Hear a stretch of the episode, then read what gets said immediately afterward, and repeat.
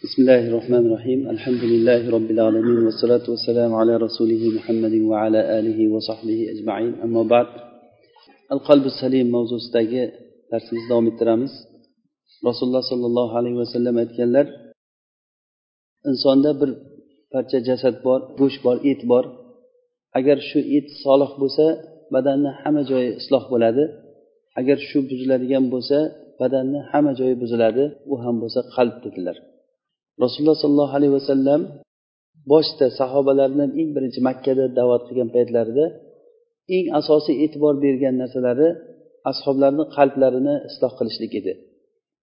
Odam o'zi agar qalbi isloh bo'layotgan bo'lsa hamma joyi isloh bo'ladi. Agar qalbi buzilayotgan bo'lsa hamma joyi buziladi.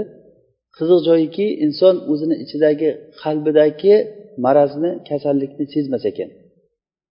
Shuning uchun bu narsaga e'tibor berib biz najot topishlikka agar umidimiz bor ekan biz allohga va oxirat kuniga iymon keltirgan kishilar o'zini do'zaxdan qutqarishlikka harakat qilgan odamlar eng birinchi o'rinda qalbini isloh qilishlikka harakat qilishlik kerak bo'ladi. Alloh subhanava taolo aytadiki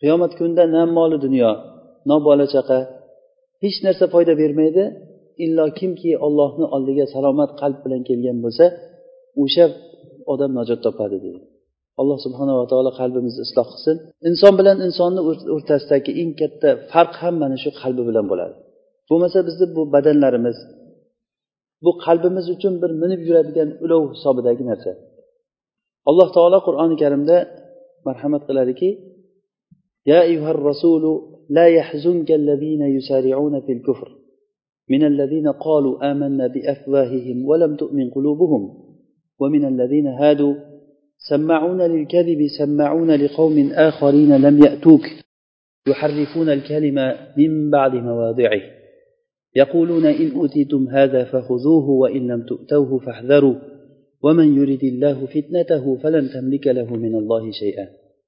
أولئك الذين لم يرد الله أن يطهر قلوبهم lahum fid dunya xizyun va lahum fil axirati azabun bu oyatda asosiy aytmoqchi bo'lgan joyimiz mahalli shohidi mana shu oxirroqdagi joy edi. Lekin buni aytish uchun oldindan tushuntirib kelmasak bo'lmas ekan. Alloh taolo payg'ambar sollallohu alayhi vasallamga aytadiki ey rasul sizni tili bilan iymon keltirdik deb qalbi iymon keltirmagan odamlar xafa qilmasin dedi.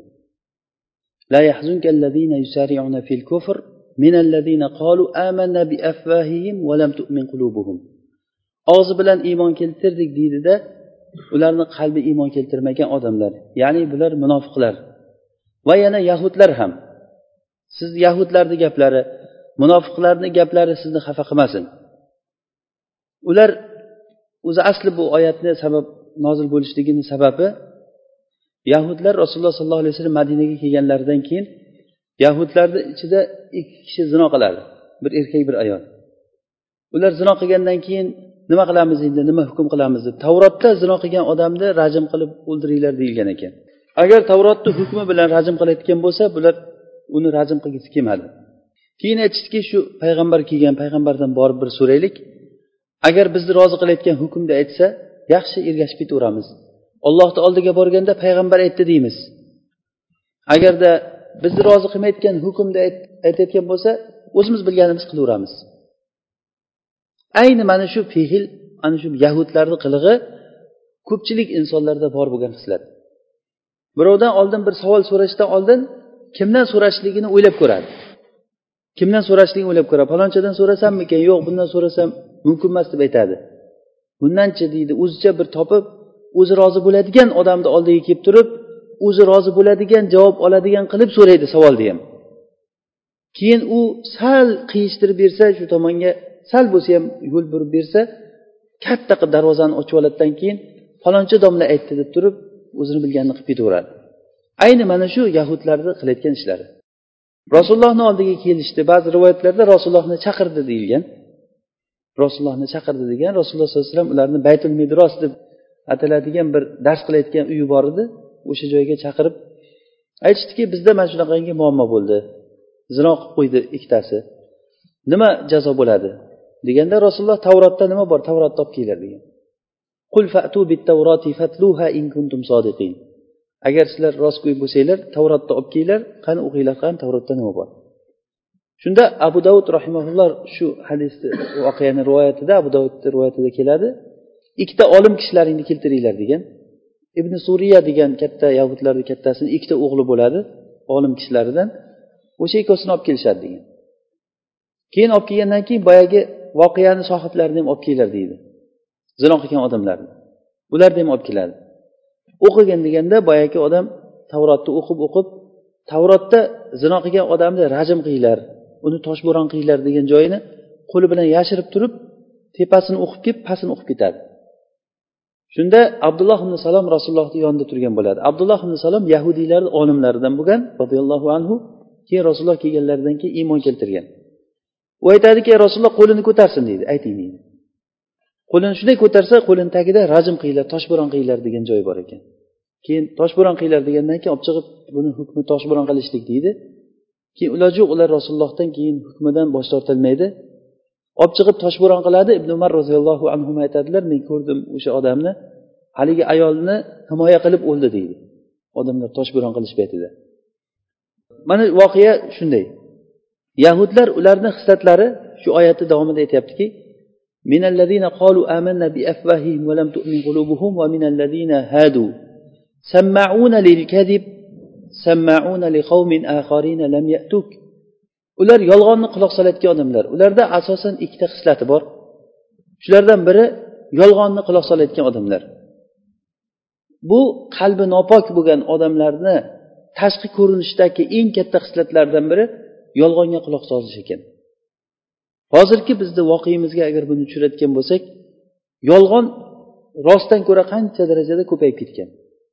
Radioni bir ham yolg'on eshitasiz televizorni bir ham gazetga qarasangiz ham qayerga qarang odamlarni og'zida xuddiki u siyosatchi bir voqealarni bilayotgan odamday yolg'on so'zlarni so'zlab yurayotgan odamlarni ko'rasiz. Sammauna lil kadib sammaun degani arab tilida ko'p quloq soluvchi degani.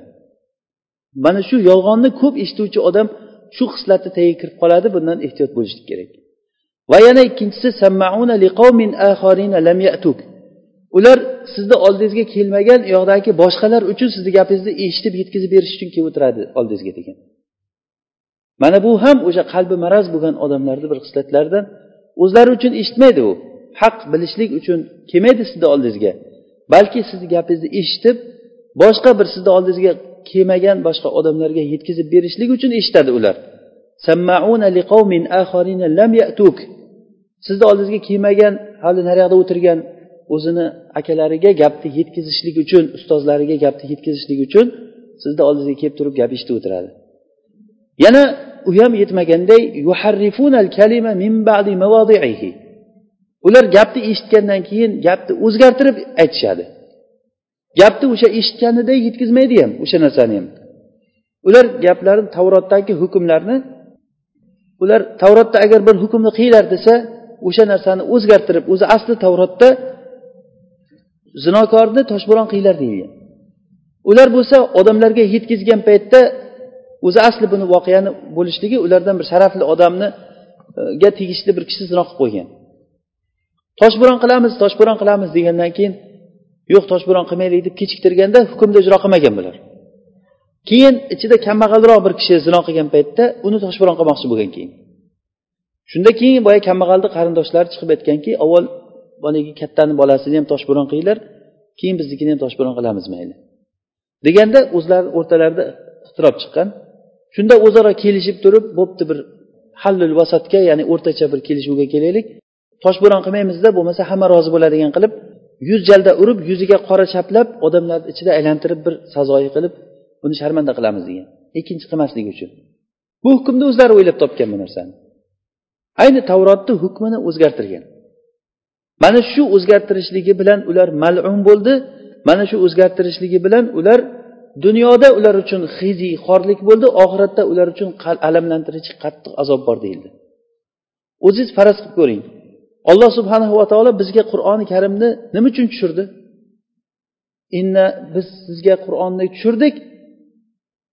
Siz odamlar o'rtasida hukm qilishligingiz uchun degan. Odamlar biz hayotimizda shu yurishligimiz uchun bizga mana shu qur'on hayotimizga nur bo'lishligi uchun alloh taolo tushirgan narsani shunday yopib shunday manaqa orqamizga tashlab boshqa narsaga qarab ketganligimiz yahudlarni bitta ikkita hukmni o'zgartirganligidan ham ko'ra yomonroq bo'lib qolmaydimi? Ana o'shanday qilgan odamlarga jazosi ular uchun dunyoda xiziy bor degan alloh taolo. Xizyun degani arab tilida zullun bilan xizyunni farqi lahum fid dunya zullun demasdan xizyun deyapti alloh taolo. Zul bu xorlik odam xor bo'lsa o'zini xorligini sezmasligi ham mumkin. Lekin xizyun degani o'zini xorligini odam o'zi sezadi. Masalan o'sha yahudlardan bani isroilda maymunga aylanib qolgan bir toifa bo'lgan. Maymunga aylanib qolgan. O'sha maymunga aylangan odamlarni holatini tasavvur qilib turing ko'ring ular o'zlarida xorlikni sezganmi sezmaganmi? Kechagina inson bo'lib yurgan odam maymun bo'lib qolsa bidoya va nihoyada ibn kasir rahimaulloh ularni o'sha maymunga aylanib qolganlarni hikoyalarini keltirganda ibn abbos roziyallohu anhudan rivoyat qilib aytadi maymunga aylangan odamlarni biz tanimasdik deydi maymun kimligini. Boyagi bu yoqda maymunga aylanmaganlari haligi maymunga aylanib qolgan odamlar o'zini tanishlarini sheriklarini oldiga kelib turib oyog'iga boshini qo'yib yig'lar ekan ko'zidan qon oqib ketar ekan shunchalik darajada qattiq pushaymon bo'lganligidan nima aybi uchun ular maymunga aylanib qoldi? Bu yolg'on gap emas bu mujarrad qissa emas bu qur'onda aytilgan. Kunu qirodatan xosiin degan alloh taolo. Maymun bo'ylar degan bir kechada maymun bo'lib qolgan hammasi. Sababi olloh subhanahu va taoloni bitta hukmini o'zgartirganligi uchun. U hukm ham nima? Shanba kuni ov qilmanglar degandi ular shanba kuni aynan hiyla qilib ov qildi o'shani ham ollohni hukmiga ochiqchasiga jur'at qilolgani yo'q qilishlikka. Hiyla qilib u hukmda aylanib o'tdi. Juma kunida nimalarni to'rlarni qo'yib qo'yardidan keyin bozor kuni olishardi. Yakshanba kuni olishardi. Shanba kuni kelgan baliqlar alloh taolo o'zi fitna uchun to'da to'da baliqlarni shanba kuni yuborgan shanba emas kuni baliqlar kelmaydi. Shanba kuni ov qilishlik harom kuni. Ov qilish harom kun chiqsa to'da to'da baliqlar keladi. Boshqa kuni chiqsa yo'q. Keyin bular nima qilgan? Juma kuni to'rni qo'yib qo'ygan shanba kuni kelgan baliqlar to'rga tushib qolgan bozor kuni olavergan bir toifa odam bunday qilmanglar bu noto'g'ri bo'lyapti desa ular aytishganki biz shanba kuni ov qilganimiz yo'q degan. Bizlar yakshanba kuni ov qilyapmiz degan. Shunda oxiri bular ogohlantirgan ular ogohlantirishlikka ko'nmagan oxiri ikkiga bo'linib olgan odamlar o'rtadan bitta devor tortib ajralib olgan. Bu tomon boyib ketgan ov ov qilib nima qilganlar. Narigi tomonda tirikchilik yaxshi bo'lmay qolgan. Shu bilan bir kechada haligilarni ovoz chiqmay qolgan ertalab bo'lgandan keyin. Bu odamlar nimaga ovoz chiqmay qoldi ekan bir qaraylik nima bo'ldi ekan deb qarashsa hammasi maymunga aylanib turibdi. Haligi maymunga aylangan odamlarni ko'rib turib bular tanimagan. U maymunlar bo'lsa bularni tanigan sheriklarini. O'sha tanigan odamlarni kelib turib oyoqlariga boshlarini qo'yib shunaqangi yig'lardiki ko'zidan qon oqib ketardi degan. Nima uchun shunday bo'ldi? Ollohni shariatini bitta hukmini o'zgartirganligi uchun bo'ldi. Bu ollohni sunnati bu. Bekorga bizni qur'onimizda bu narsani hikoyasi aytib berilinmayapti. Agarda shu illat agar sizlarda ham topilsa bu hukm sizlarda ham topilishligi mumkin degani olloh kechirsin. Agar alloh taolo bizni azoblayman deydigan bo'lsa ko'p narsamiz bilan bizni ushlab qo'yishligi mumkin. Qisqasi yahudlarda mana shunaqangi hukmlarni tavrotda kelgan hukmlarni o'zgartirishlik bor ekan. Hattoki ular tavrotdagi narsani qo'li bilan o'chirib tashlab alloh taolo yozib bergan narsani qo'li bilan o'chirib tashlab o'zlari qo'li bilan boylardan pul olib turib ularni rozi qiladigan bir hukmlarni yozib keyin mana shu ollohdan huzurida nozil bo'lgan narsa deb odamlarga ko'rsatgan. Shular haqida alloh taolo qur'onda aytadiki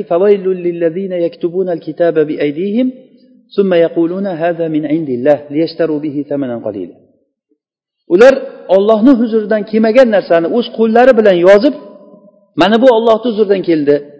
Mana shu tavrot bu deb odamlarga ko'rsatib odamlarga ozroq pul ishlashlik uchun qilayotgan odamlarga ularga vayl bo'lsin do'zax bo'lsin ularga. Qo'llari bilan yozgan narsalariga do'zax bo'lsin ularni o'zlariga do'zax bo'lsin deydi. Bu yahudlarni qilgan ishi. Ayni shu bizni ummatda ham topildi shu narsa. Bizni ummatdagi dard haqida alloh taolo gapirganda aytdiki yuharrifunal kalima min ba'di mavodihi demasdan yuharrifunal degan. Buni farqi shuki kalimani joyidan o'zgartirib tashlamasdan yahudlar joyidan o'zgartirib tashlasa bo'lsa bu ummat min badi qilib o'zgartirar ekan. Ya'ni qur'onni ma'nolarini o'zgartiradi. Mana bu qur'ondagi gap to'g'riyu o'sha yu degan joyi bilan o'ziga yo'l ochadi.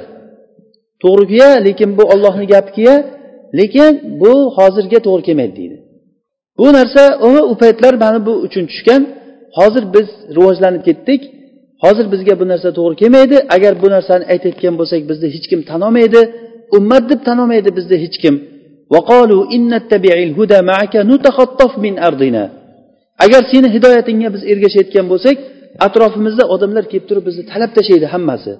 Shuning uchun ularni xohlaydigan ularni rozi qilayotgan bir yo'l bilan yurib turishimiz kerak degan narsalar o'sha tavrotni o'zgartirganday qur'onni hukmini o'zgartirishlikni bir turi bu ham mana bu narsani sababi mana bu narsani sababi ularning qalbining marazi edi ayni shu oyatni davomida alloh taolo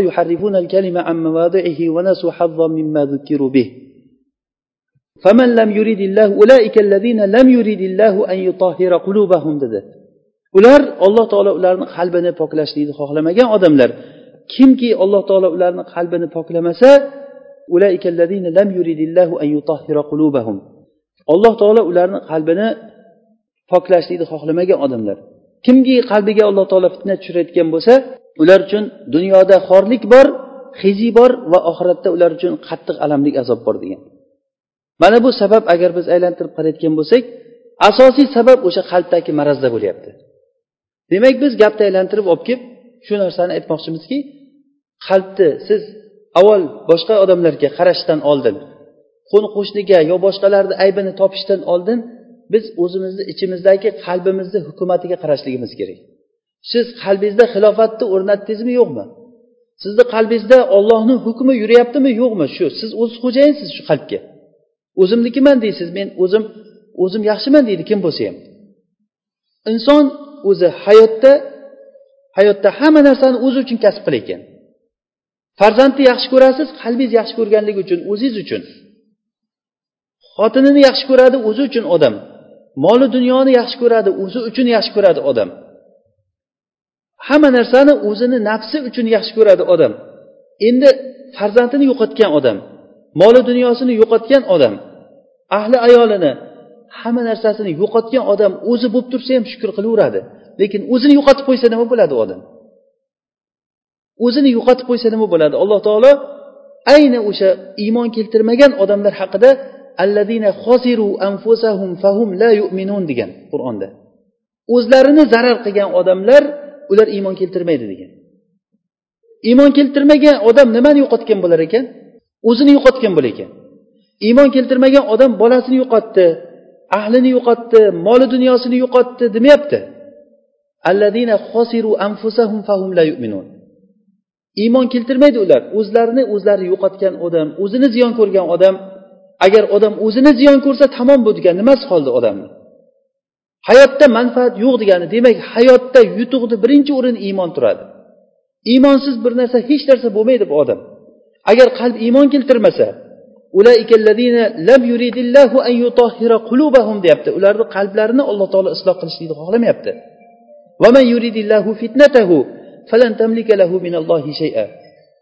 Kimniki alloh taolo fitnasini xohlagan bo'lsa sen unga hech narsa qilolmaysan degan. Qalbi maraz bo'lgan odamlar sizni oldingizga kelib turib gapni eshitib turib o'sha chiqib ketish paytida sizni ustingizdan kulib islomni ustidan kulib qayta undan ko'ra oldingi holatidan ko'ra battarroq kofir bo'lib chiqib ketadi deyilgan. Ular kufr bilan kirgan kufr bilan chiqib ketadi. Degan. Mana bu narsalar hammasi o'sha qalbdagi iymonni bo'lmaganligi.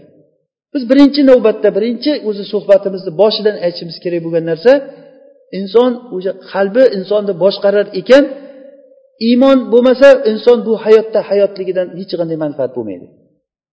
Insondan ko'ra iymonsiz odamdan ko'ra hayvonlar va itlar yaxshi bo'lib qoladi. Chunki ular o'zini hayvonlik vazifasini qilyapti. Lekin bu inson o'zini ziyon qildi bu odam. O'zini yo'qotdi bu odam. Ayni shu haqda alloh taolo qur'onda aytyaptiki alladina xosiru anfusahum fahum la yu'minun. Alladina xosiru anfusahum o'zlarini o'zlari ziyon ko'rgan o'zini yutqizib qo'ygan degani. Xuddiki haligi misolimiz xunukroq chiqsa ham qumor o'ynagan odamlar qumorga unisini qo'yadi bunisini qo'yadi oxiri ishtima nima qolmaganda nima qiladi?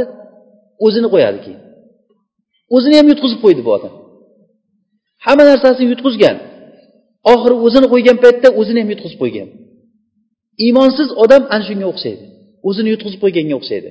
Chunki bu hayotda shuncha unga berilingan imkoniyat shuncha unga berilingan hayot u uchun bir ziyon bo'lgan narsaga aylanib qoladi. Bu iymonsizlik bo'ladi bu narsa. Agar iymonsiz bo'lib turib odamni qanchalik ilmi ziyoda bo'lsa shunchalik xavfli xatarli odam bo'lar ekan bu odam. Agar iymonsiz bo'lib agar odam o'qisa shuning uchun birinchi o'rinda o'qishdan oldin ma'ruza tinglashlikdan oldin odam mo'min bo'lishi kerak. Mo'min bo'lishi kerak degani uni qalbi iymonga ochilishi kerak. Ana o'shanda unga keyin qur'on ma'ruzasi rasululloh sollallohu alayhi vasallamni gapi unga ta'sir qiladi. Jundub ibn abdillah roziyallohu anhu aytadilar biz nabiy sollallohu alayhi vasallam bilan birga va nahnu fityanun hazavira biz rasululloh bilan yosh yigit paytlarimizda rasululloh sollallohu alayhi vasallam bilan birga edik deydi. Biz o'shanda qur'onni oldin qur'onni ta'lim olishlikdan oldin iymonni ta'lim oldik. Keyin qur'on bizga kelgan paytda qur'on bizni iymonimizni ziyoda qildi degan. Qur'an. Biz qur'ondan oldin iymonni ta'lim oldik. O'sha paytda yigit paytimiz edi rasulullohni yonida yurardik biz. Yigit paytimizda qur'ondan oldin iymonni ta'lim oldik. Keyin qur'on kelgan paytda qur'onni ahkomlari mana buni qilinglar mana buni qilmanglar namoz o'qinglar ro'za tutinglar yolg'on gapirmanglar qo'shniga ozor bermanglar degan ota onalaringni hurmat qilinglar degan hukmlar nozil bo'laversa ular yana ham qalbi qur'onga ochilib ketavergan. Lekin mana shu hukmlar kelishligidan oldin o'zi ular mo'min bo'lgan ular. Rasululloh sollallohu alayhi vasallamni oldiga kelib turib ashhadu an la ilaha illalloh va annaka rasululloh rasululloh degan kishilar ana shu paytda qalbini ochgan ular rasulullohni oldiga kelib turib shunday qalbini ochgan ana bu iymonni ta'lim olganligi ularni iymon qoblal qur'on ular yaxshi tushungan iymon nima ekanligini abdulloh ibn umar roziyallohu anhu aytadilar قد عشنا حين من الدهر وإن أحدنا يؤتى الإيمان قبل القرآن biz bir qancha payt yashab turdik rasululloh sollallohu alayhi vasallam bilan birga qur'on unga berilishligidan oldin unga iymon berilardi degan. Uni qalbida iymon bo'lardi degan. Buxoriy rahimaulloh rivoyat qiladilar huzayfat ibn yaman hadisidan. Aytadilarki rasululloh sollallohu alayhi vasallam bizga ikkita hadisni aytib berdi. Shundan men bittasini ko'rdim hali bittasini kutib turibman degan. Rasululloh aytib berdilarki omonat kishilardan bir qanchasini qalblarini to'riga borib tushadi degan ekanlar. Omonat ya'ni omonat degani bu iymon nazarda tutilyapti.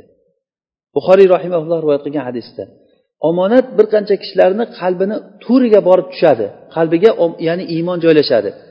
Keyin odamlar qur'onni ta'lim oladilar undan keyin sunnatni ta'lim oladilar deb bu birinchi gaplari.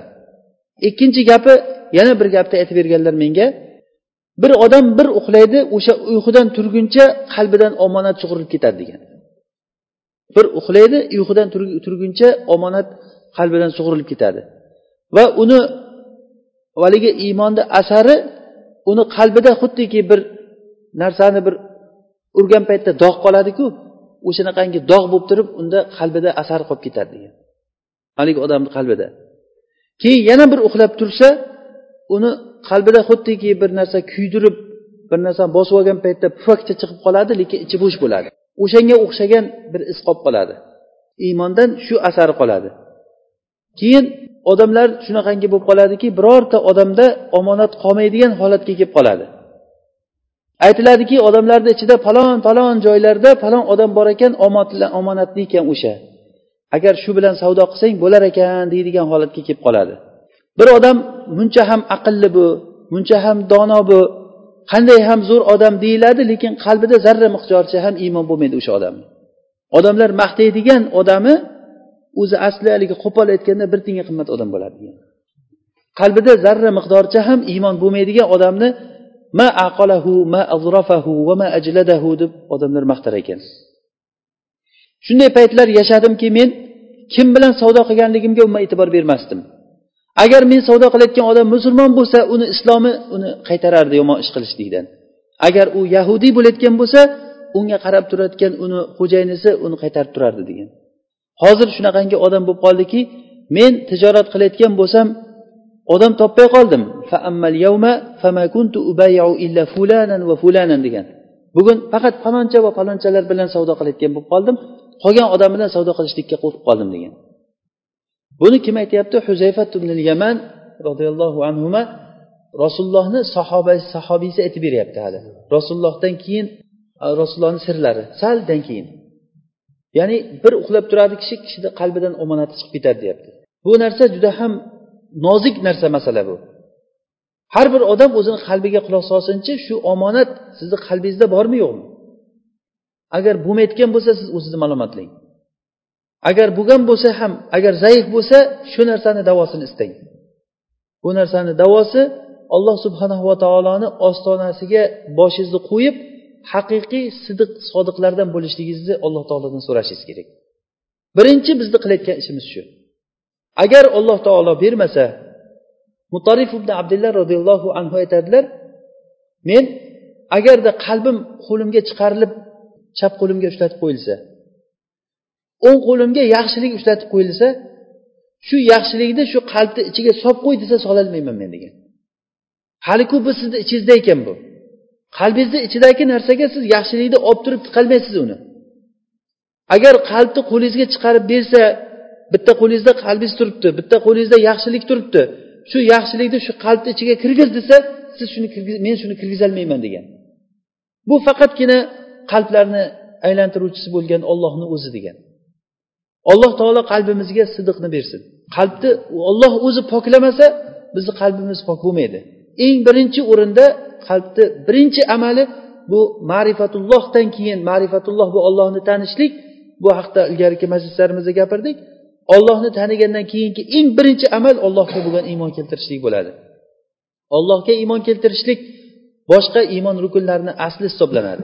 Rasululloh sollallohu alayhi vasallamni oldilariga hadisi jibrilda umar roziyallohu anhu rivoyat qilgan hadisda biz rasululloh bilan bir majlisda o'tirganimizda bir oppoq kiyingan bir kishi kirib keldi. Kiyimlari oppoq sochi qop qora degan. Bir musofir desak unda safar alomati ko'rinmaydi. Agar shu o'rtadan desak hech kim tanimaydi bu odamni. Ya'ni u jibril bo'lgan farishta.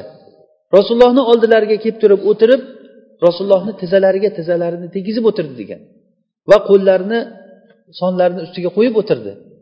Ey rasululloh iymon nima deb so'radi? Shunda iymon ollohga iymon keltirishliging deb boshladilar.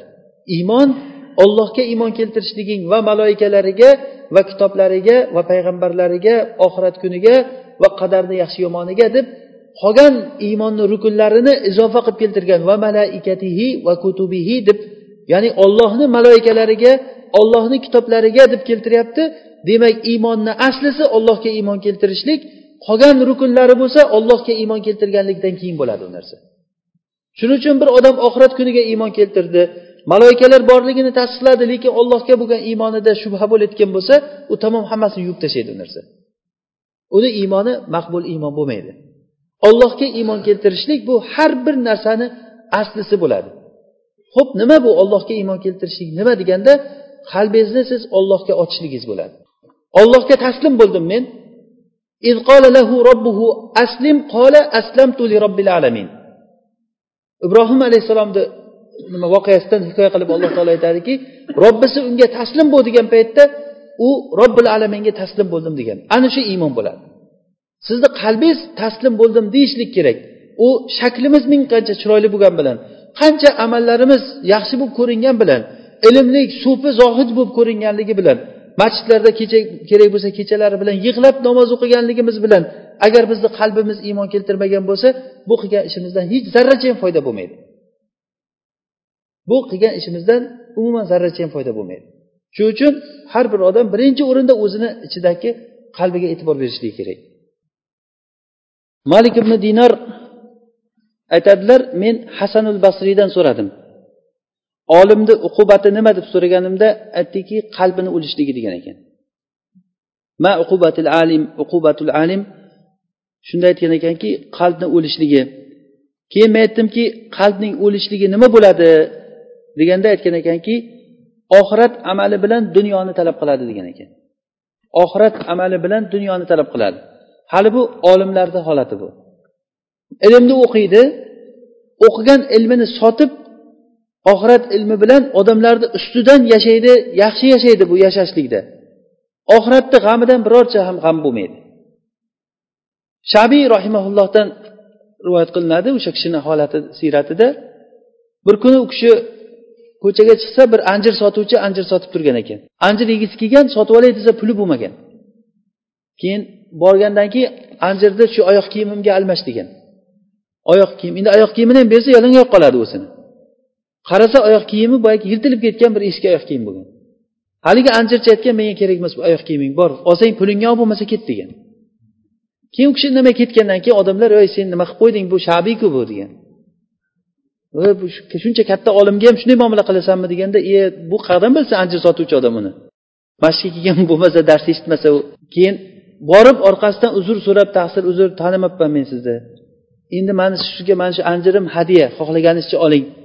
Agar yo'q hadyani olishga ko'nmasangiz bo'pti naqlingizni bering oyoq kiyimingizni almashaman men. Shunga degandan keyin aytgan ekanki boya almashganingda edi sen anjirni nalga almashgan bo'lading endi almashsak men dinimni anjirga almashtirgan bo'laman degan. Vallohi qiyomat kunigacha ajr yemayman men degan ekan. O'sha endi almashmayman endi degan. Agar boya tanimagan holatda qilganda edi mayli edi. Unda haqiqatdan ham anjirni nalga oyoq kiyimga almashtirgan bo'laydi. Endichi endi bu holat boshqacha bo'lyapti endi. U odamni dini uchun olib borib beryapti bu narsani. Men dinimni anjirga sotmayman degan. Fudoyl ibn iyod rahimaulloh mana shu dinini sotayotgan qorilarni yomon ko'rar ekan. Hattoki o'g'liga pul berib aytgan ekanki o'g'lim uy ol degan ekan. Lekin qaragin qorilarga qo'shni qilma men degan ekan. Mali valil qavm degan ekan. Bu qavmni qarang qanaqangi odamlar agar men bir yomonligimni ko'rsa ular o'ldiradi meni degan. Hech qo'ymaydi bu yomonligimni gapirib hammani ichida. Agar yaxshiligimni ko'rsa hasad qilishadi degan. O'qigan qur'onlari mana shu hanjarasidan pastiga o'tmaydi. Kerak bo'lsa ashara qiroatda qur'onni o'qishligi mumkin. Palonchiga o'xshat desa husariy bo'lib ber desa husariy bo'lib beradi. To'xta sen sudayis bo'l desa birdan o'sha yerda sudayis bo'lib ketadi. Lekin bu o'qiyotgan qur'onlari hayotida bir asar ham ko'rinmaydi bu o'qiydigan qur'onni. Xuddiki bir masjidda o'tirganda kinozalday butun zo'r qilib o'qib beradidan keyin shunday tashqariga chiqqan paytda boshqacha olamga o'tib qolganligini ko'rasiz. Olloh asrasin bu ko'pchiligimiz o'zi o'zimizdan boshlashimiz kerak bu narsani. Biz boshqalar haqida gapirmaymiz o'zi. Asli o'zimizni isloh qilishimiz kerak. Alloh taolo aytgan qu anfusakum va ahlikum naro. Sizlar o'zlaringni va ahllaringni do'zaxdan saqlab qo'yinglar degan. Ana shu narsaga e'tibor bersak inshaalloh juda tez arada biz sahobalarni hayotidagi hayotni erishishligimiz mumkin inshaalloh. Umar roziyallohu anhu mana shu qalbidagi sidiq bilan sahobalardan oshib ketdi. Sahobalardan olti yil keyin qolib iymon keltirgandi u kishi. Lekin eng ummatda afzali kim deganda abu bakr va umar deydigan holatga chiqdi.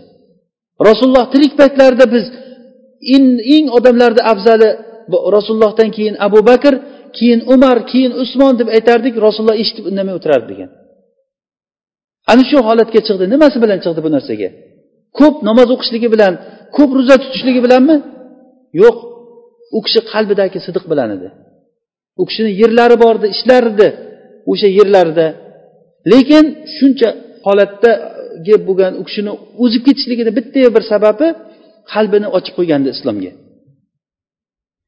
Umar ibn hattob roziyallohu anhu aytgan ekanlar inna ahvafa ma akhafu ala ummati kullu munafiqin alimul lisan degan ekanlar.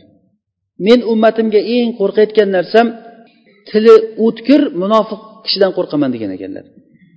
Tili o'tkir munofiq kishi qalbi munofiq degani o'zi munofiq degani zohiri iymon ichi kofir odam munofiq deyiladi.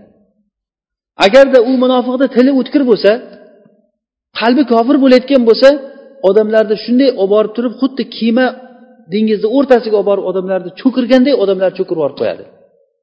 Olimni buzilishligi bu olamni buzilishligi bo'ladi.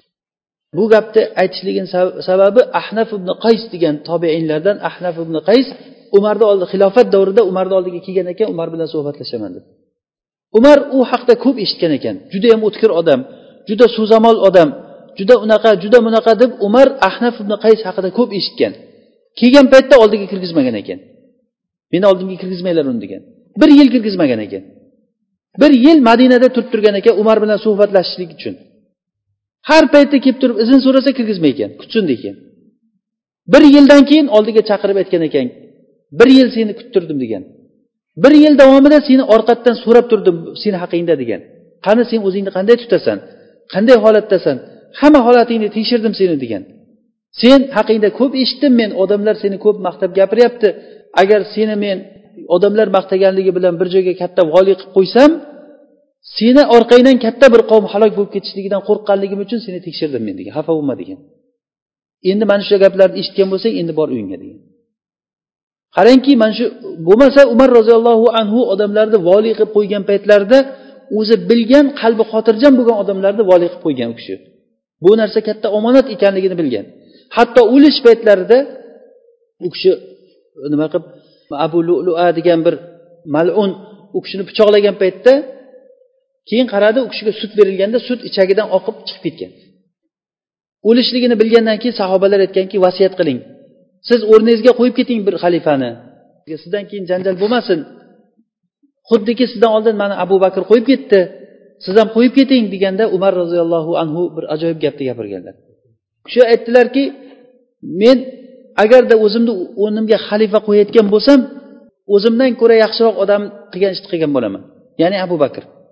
Agar xalifa qo'ymaydigan bo'lsam o'zimdan ko'ra yaxshiroq odam qilgan ishni qilgan bo'laman rasulullohni aytgan rasululloh o'z xalifa qilib ketmaganlar lekin shunday odamlarni o'zini holatini bilib tashlab ketganlar odamlar abu bakrdan boshqasiga rozi bo'lmasligini bilganliklari uchun.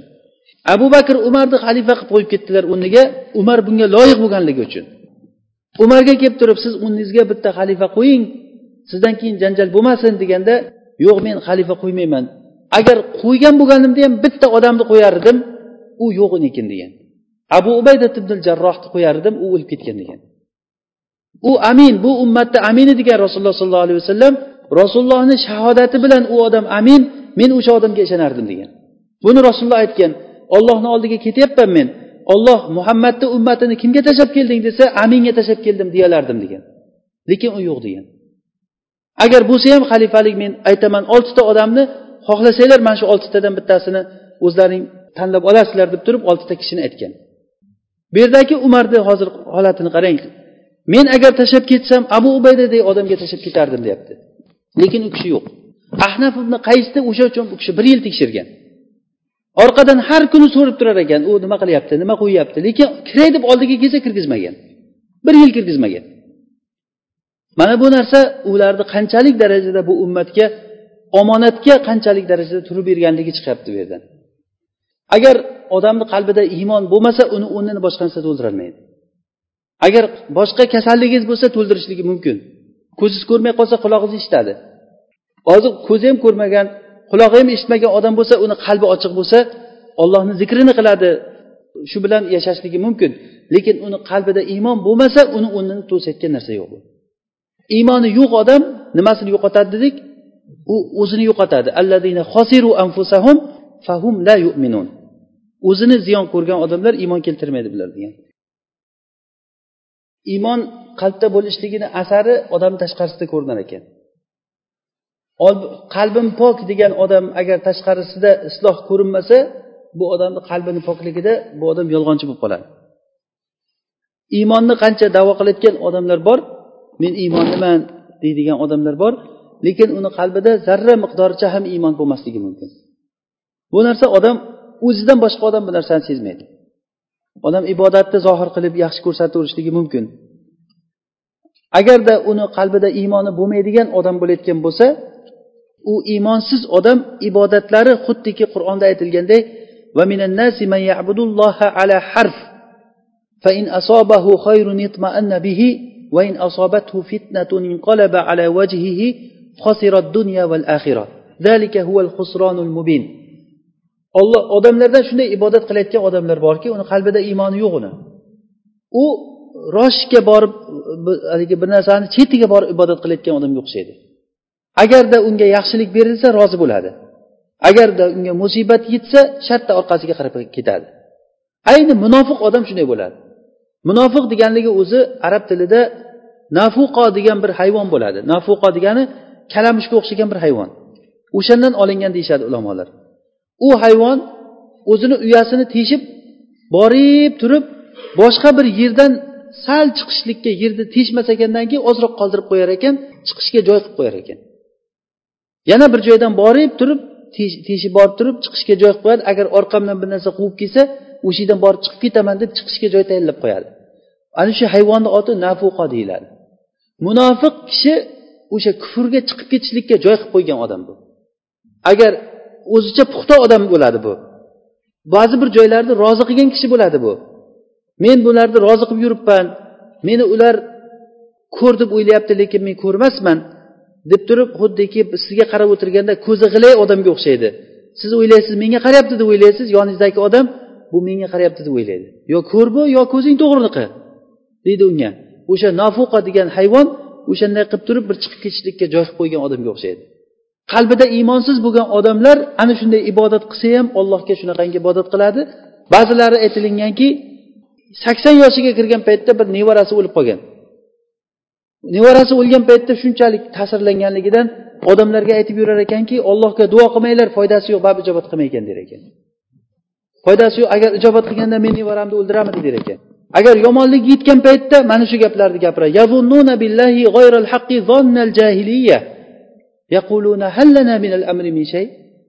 Ular olloh taologa johiliyat gumonini qilishadi.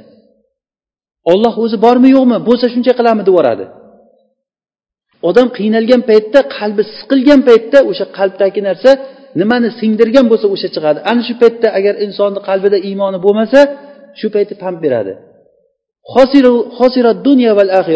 Bu odam dunyoni ham oxiratini ham yo'qotgan odam bo'ladi. Iymonsizlik mana shunday katta bir dard ekanki bu odam o'zini dunyosini ham yo'qotadi oxiratini ham yo'qotadi.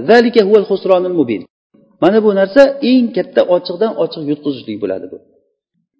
Alloh subhanava taolo agar bir qavmga yaxshilikni xohlasa ularni ichidan ularni bir qo'lidan yetaklaydigan bir kishiga duchor qilib qo'yadi degan ekan. Ayni shunday odamlar rasulullohni ashoblari bo'ldi. Rasululloh sollallohu alayhi vasallamni ularga rahmat qilib jo'natdi alloh taolo. O'zlarini qizlarini tiriklay ko'mib yurgan holatidan ularni yalang'och holatda kabani tavof qiladigan holatidan toshlarga butlarga ibodat qilayotgan holatdan abu bakr va umar va usmon va aliga o'xshagan odamlar chiqdi. Hayotlik paytida alloh taolo ulardan rozi bo'ldi. Yerda yurgan holatida olloh roziman sizlardan deb yuborgan odamlar chiqdi.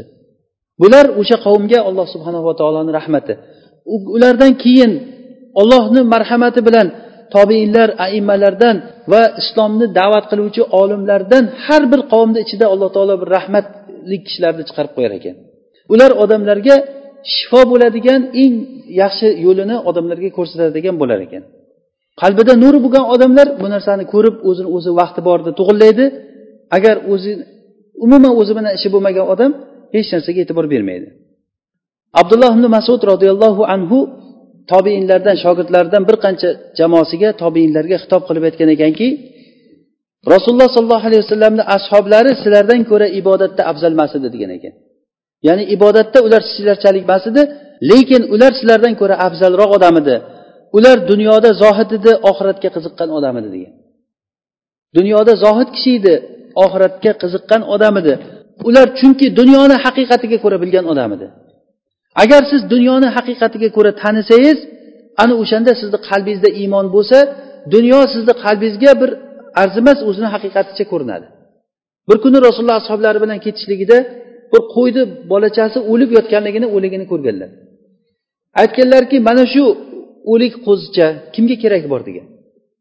O'zini ahliga shuni qadri bormi? deganda yo'q kerak emas uchun olib chiqib tashlaganda bir o'lgan qo'zichani olib chiqib tashlagan olib chiqib tashlab bir ikki kun o'tgandan keyingi holatini ko'ring nima bo'ladi? O'sha kimga kerak?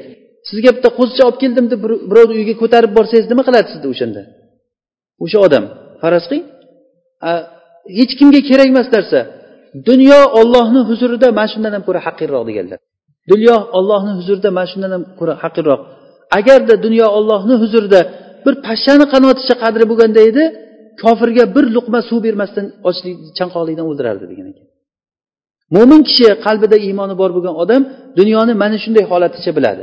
O'shani bilganligi uchun ham abu nima sahobalar beruhoni mana kechagi nimamizda tolha beruhoni shunday berib yuborgan katta bir bog' u rasululloh hattoki bu berihoni berdim degandan baxin baxin deganlar bay bay bu juda katta molku bu katta mulkku bu deganlar. Bo'pti bizga berding bo'ldi endi demadilar rasululloh. Buni o'zingni qarindoshlaringga tarqat deganlar. O'sha o'zini qarindoshlarini amakilarini chaqirib amakilarni o'g'illarini o'rtasida u narsani tarqatib bergan ekan. Hattoki o'sha nima abdurahmon ibn avf jannatga emaylab kiradi. Abdurahmon jannatga kiradi degan xabarni eshitgan paytda abdurahmon o'sha payti kishini karvoni kelgan yetti yuzta tuya ustidagi yuki bilan to'la kelganini eshitib mana shu narsalarni hammasi olloh yo'lida nafaqa degan sadaqa degan. Yetti yuzta tuya bitta tuya u paytda bir moshindan qimmat narsa bo'lgan. Ustidagi mol matolari bilan hammasi ollohni yo'lida nafaqa degan. Chunki bu narsa nima uchun? Ular o'sha dunyoni haqiqatiga ko'ra ko'ra olgan odamlar. Agarda odamni qalbi ochilsa dunyoni nima ekanligini ko'rsa ko'p ibodat qilmasangiz ham lekin dunyodagi zohid odam bo'ladi. Ibn masud roziyallohu anhu aytganlaridek rasulullohni ashoblari sizlardan ko'ra ko'p ibodatlamas edi lekin ular sizlardan ko'ra afzal edi degan.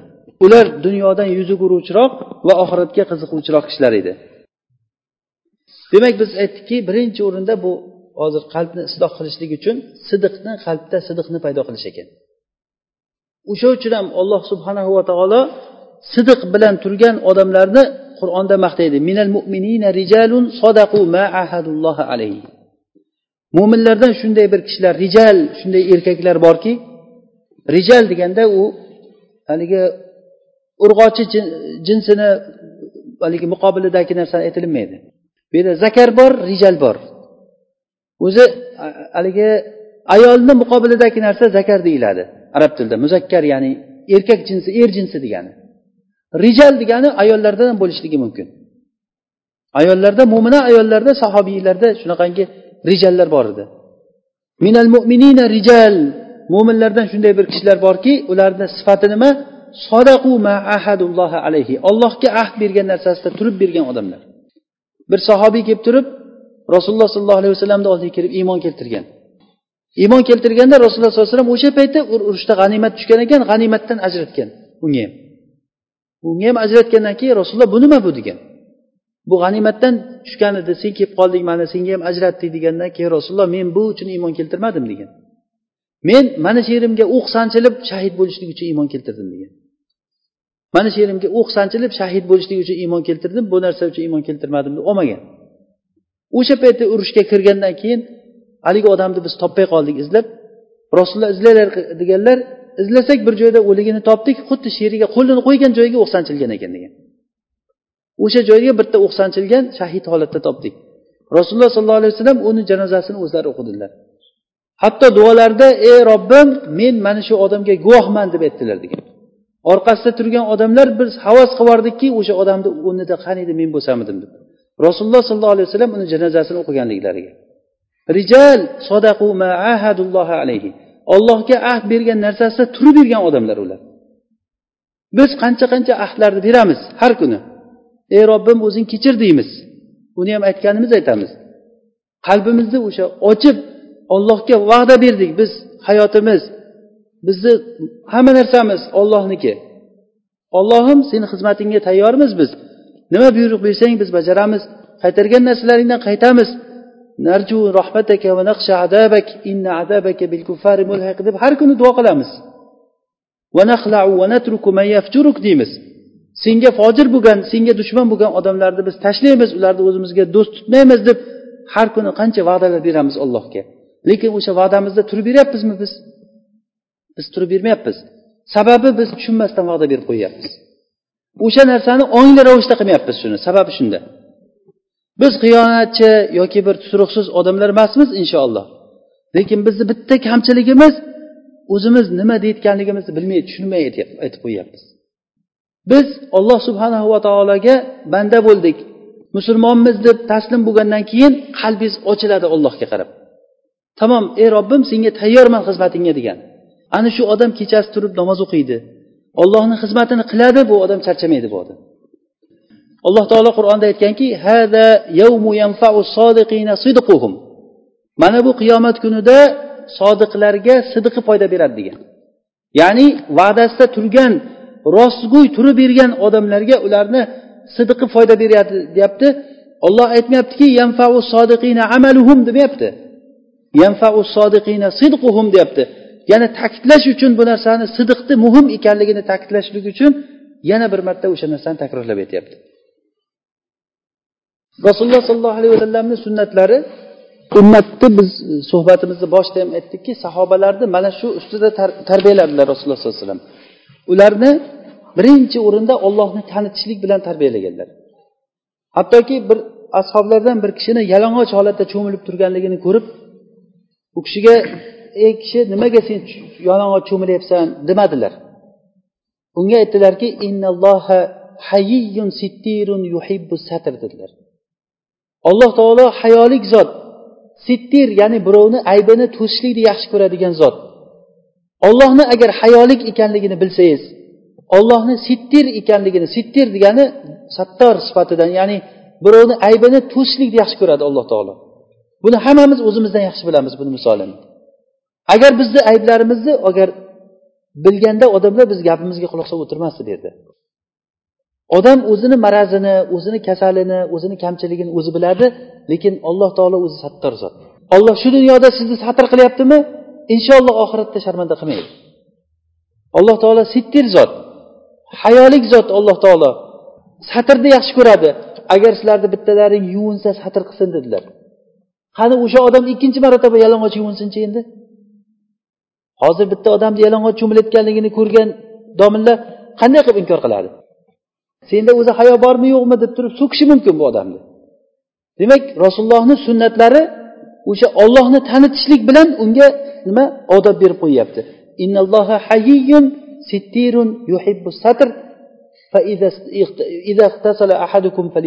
Deganlar.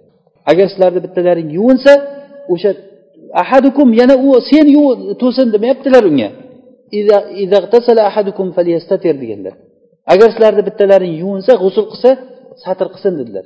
Muso alayhissalom hayolik satrlik odam edi badanini hech bir odamga ko'rsatmagan edi hattoki odamlar bani isroil bu musoni badanida bir ayb bor o'sha uchun bu yalang'och bo'lmaydi deb aytar edi. O'zlariku yalang'och yurganiga ko'ra kiyimini kiyib yurgan odamni ham qo'ymagan bular. Bir kuni kiyimini toshni ustiga qo'yib bir chekkada cho'milib turgan joyida tosh u kishini kiyimini olib qochib ketgan ekan. Orqasidan quvib bordilar toshni orqasidan. Hajar savbi hajar savbi hajar deb voy tosh kiyimimni bergin kiyimimni bergin deb quvib chiqdilar. Odamlar ko'rdi muso alayhissalomni gavdasida hech qanaqangi ayb yo'q oppoq hamma joyi toza zot edi. Bu kishini ozor berdi odamlar. Ya'ni ahzob surasida keladiku ular musoga ozor berishdi. Alloh taolo ular aytgan narsadan u kishini pokladi. Hatto borib turib ushlagandan keyin toshni hasosi bilan urganlarida bir qancha iz qolgan ekan toshni ustida. Bu ollohni o'zi xohishi bilan bo'lgan odamlarga musoni pok ekanligini ko'rsatishlik uchun. Demak hayolik odam o'zini avratini birovga ko'rsatmaydi.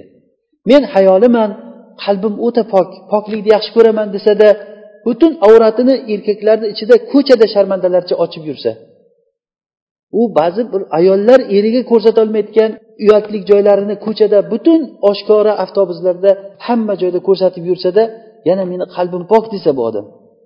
Bu demak qalbdagi iymonda halal borligidan kelib chiqadi bu narsa.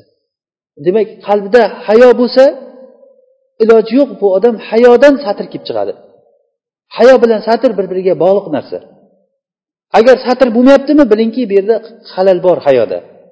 Hayoda halal bormi iymonda halal bor chunki rasululloh sollallohu alayhi vasallam aytdilarki al hayau minal iymon hayo iymondan dedilar.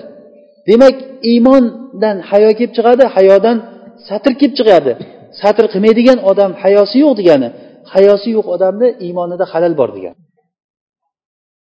Agarda kishini qalbiga iymon kirsa iymon joylashgandan keyin rasululloh sollallohu alayhi vasallam jannat ahlini sifatlarida aytgan ekanlar ular hamd va tasbehga xuddi nafas olganga ilhomlantirganda ilhomlantiriladi degan ekanlar mana shu hozir biz nafasga qanday ilhomlantirilyapmiz siz o'ylamasdan ham nafas olaverasiz. Hozir boshqa narsani o'ylab o'tiribsiz lekin nafas olib yotibsiz. Hech eslaysizmi men nafas olyapman hozir deb? Hayol surib men nafas olyapman chiqaryapman olyapman chiqaryapman deb odam hech qachon o'ylamaydi bu narsa to'g'risida. Bu ilhom bilan alloh taoloni bir qadariy ilhomi bilan bo'lyapti bu narsa. Agarda qalbga iymon yaxshi o'rnashsa takbir va tasbeh va tahmidlar ana shunday ilhom bilan bo'lib qolar ekan odamga. Bu narsa o'sha demak buni kaliti nima ekan? Qalbni ochilishligi. Biz avvalambor alloh taolodan sidiqni so'raymiz. Qalbimizni ochilishligini ollohni ostonasiga bosh qo'yib shu bersang ham berasan bermasang ham berasan meni qalbimni ochasan deb ollohdan so'raysiz bu birinchi. Ikkinchisida buni sabablarini ushlashlikka harakat qilamiz. Sabablarni ushlashlik bu narsa ma'ruzalar eshitishlik bilan har xil hikmatli gaplar mo'min iymonli kishilarni solih kishilarni boshlab sahobalarni tarixlarini o'qishlik bilan eshitishlik bilan eng katta anisi qur'on o'qishlik bilan bo'ladi. Bu albatta qur'onni o'qiganda tadabbur bilan uni ma'nolariga tushunib o'qishlik bilan bo'ladi. Bu narsa ko'pchilik uchun mutaazzir narsa. Qur'on o'qib uni hayotga tadbiq qilib uni ma'nosida uni qur'onni ichidagi iymoniy holatlarni odam chiqarib o'ziga olib olishligi qiyin narsa. Shuning uchun uni inshaalloh mana shu darslar davomida tushunib agar mutobaa qilib borilsa bu narsa katta bir manfaatli bo'ladi inshaalloh. Agarda odamni qalbida iymoni bo'lmasa uni o'rniga havoyi nafs agar havoga ibodat qilgan odam bo'lsa uni o'rnini boshqa narsa egallaydi. Qalb shunday narsaki biz modomiki qalb haqida gaplashayotgan bo'lsak qalb siz xohlang xohlamang shug'ullanib turuvchi narsa. Xuddi o'pka shug'ullanib turibdiyu hozir havo olyapti chiqaryapti havo olyapti chiqaryapti xohlang xohlamang uxlasangiz ham nima bo'ladi? O'pkangiz ishlab turaveradi. Ana shunday odamni qalbi shug'ulda hamisha shug'ulda bo'ladi. Lekin o'shani tarbiyalashligimiz kerak. Uni ollohni zikri bilan shug'ullanayotgan qilib harakat qilishlik kerak. Agar ollohni zikri bilan iymon bilan to'lmasa bu qalb boshqa narsa bilan to'ladi. Agar ollohga tavakkal qilmasangiz boshqaga tavakkal bo'ladi. Ollohni xavfi bo'lmasa qalbda ollohdan boshqasini qalbi xavfi bo'ladi. Ollohni mahabbati bo'lmasa ollohdan boshqasini mahabbati qalbga kelib kiradi. Xohlang xohlamang qalb bu shug'ullanib turuvchi narsa. Qalb xuddi zavod ishlaganda ishlayapti. Siz xohlang xohlamang ishlayapti bu narsa. Demak shu narsani biz tezlik bilan hozir tirik ekanmiz hozir imkon bor ekan bu narsani qalbni shu ollohga qarab burishligimiz kerak. Kim ollohga iymon keltirayotgan bo'lsa alloh taolo uni qalbini hidoyatlaydi alloh taolo qalblarimizni hidoyatlasin alloh taolo qalblarimizni ochsin.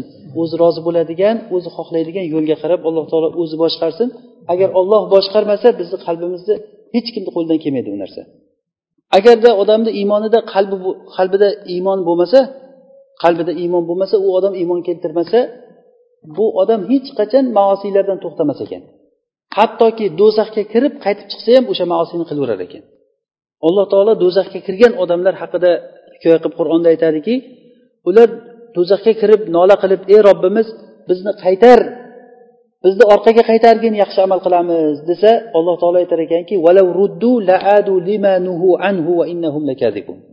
agar ular orqaga qaytarilsa yana o'sha qaytarilgan ishlarni qilib ketaveradi ular yolg'onchi ular degan.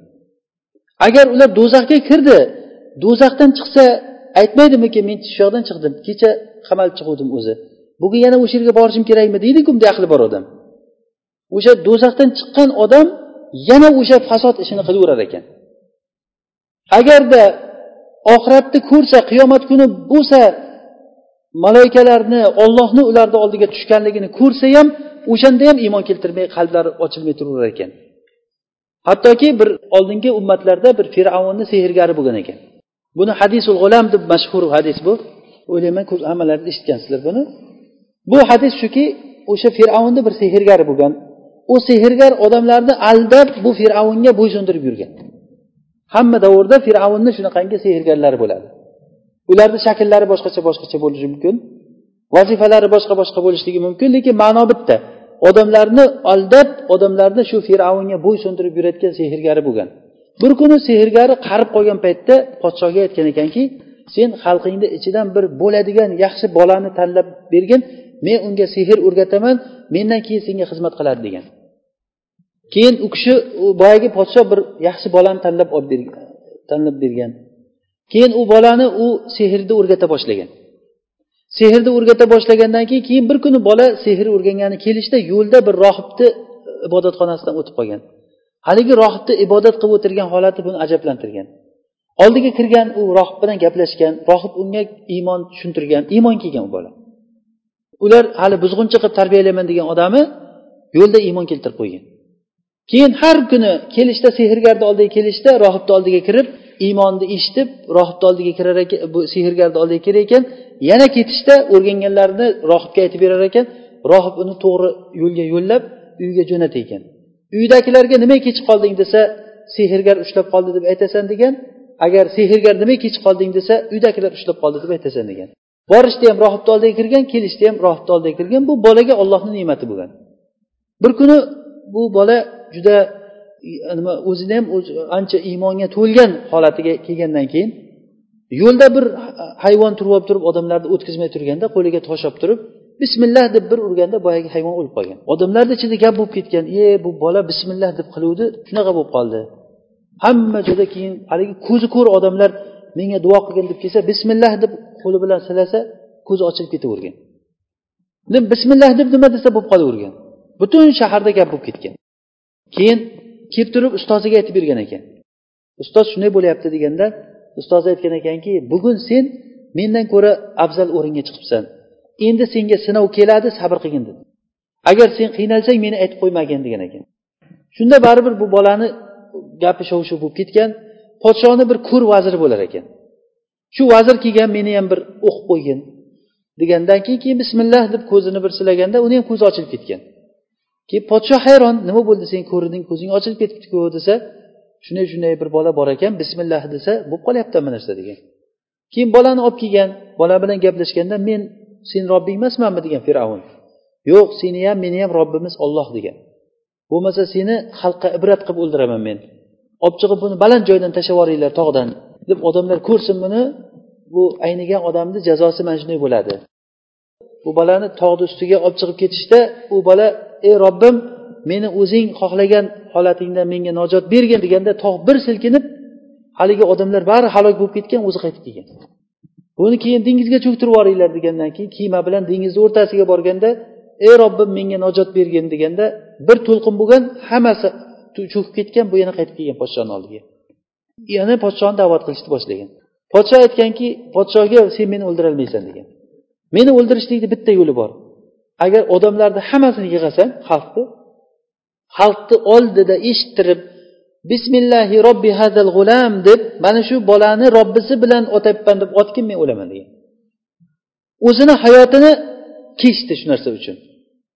Haligi podsho sekin aytganda bismillahi robbi hazil g'ulam deb otgan o'lmagan. Yo'q sen hiyla qilyapsan qattiqroq ayt degan xalq eshitsin degan. Keyin qattiq aytib otganda boya bola o'lgan ekan. Shundan keyin bu xalq haligi gumroh xalqni qalbi ochilib ketgan o'sha paytda. Qalbni qarang ochilishligini. Gutib odamlar iymonga kelgan bo'ldi sizlar qaytinglar deb podshoh aytsa bu odamlarni qaytarolmagan katta katta zovurlar qozib ichiga o'tinlar to'ldirib olov yoqib odamlarni olib kelib olovga otib yuborsa iymoni bilan tushib ketavergan odamlar. qutila ashabul uhdud النار ذات الوقود إذ هم عليها قعود وهم على ما يفعلون بالمؤمنين شهود وما نقموا منهم إلا أن يؤمنوا بالله العزيز الحميد الآية o'sha ashabul uhdud va samaizatil burujdagi shular keyin haligi olovlar chiqib bularni o'zlarini kuydirib yuborgan atrofdagilarni o'zlarini kuydirib yuborgan bu qur'onda kelyapti sahih hadisda kelyapti aytmoqchi bo'lgan joyimiz bizdagi mahalla shohidimiz bu voqeani boyagi sehrgarni gapini aytmoqchi edim. Sehrgar o'zi o'lyapti qarib qolgan. Bu fir'avnga nima uchun xizmat qildi bu? Fir'avnga nima uchun xizmat qildi? Fir'avnni manfaatdorligi uchun. U manfaatdor bo'lib turib xizmat qildi mayli. Endi o'zi o'lyapti podshoh hurmat izzatini qilib buni kuzatib qo'yyapti oxiratga. Bo'ldi shu bilan vaqt tugashi kerakki endi bu odam pushaymon bo'lishi kerakmi yo'qmi aqli bo'lsa? Shuncha vaqt men badbaxtlik qildim. Shu fir'avnga xizmat qilib turib bilardi bu haqni shunday qildim lekin qalbini marazi o'lib ketyapti ham bunga aytyaptiki menga bir yosh bolani olib bergin men o'qitib beray uni deyapti. Mendan keyin senga xizmat qilsin deyapti. Ko'ryapsiz mana qalbida iymonsizlik bo'lgandan keyin mo'minlarni ichida fahsh yomon munkar ishlarni tarqatishlikni yaxshi ko'rayotgan odamlarga alamlik azob bor deyilgan. Odamlarni ba'zi odamlarni qalbida o'zi yomon ishlarni qiladi va qilolmay qolgandan keyin boshqa odamlarni yomon bo'lishligini siqi dilidan sevadigan yaxshi ko'radigan odamlar bor. Zino qilishlikni qilolmaydi o'zi lekin odamlarni zino qilib aroq ichganlarini ko'rib turib maza qilib o'tirayotgan chollar bor. O'shanday odam ham o'zini marazligidan mayli men shuncha ifloslik qildim endi olloh kechirsin deydigan holatdagi odam ham shunday demas ekan. Nima uchun qalbida iymoni bo'lmagandan keyin? Bu iymonsizlik bu narsa dunyosini ham oxiratini ham kuydirayotgan narsa bo'ladi. Bu narsa eng muhim narsa demak alloh taologa birinchi o'rinda nima? Qalbimizni ochishligi bo'ladi. Alloh taolo hammamizni hidoyatlasin qalbimizni ochsin eshitganlarimizga amal qilishlikni alloh taolo o'zi nasib qilsin.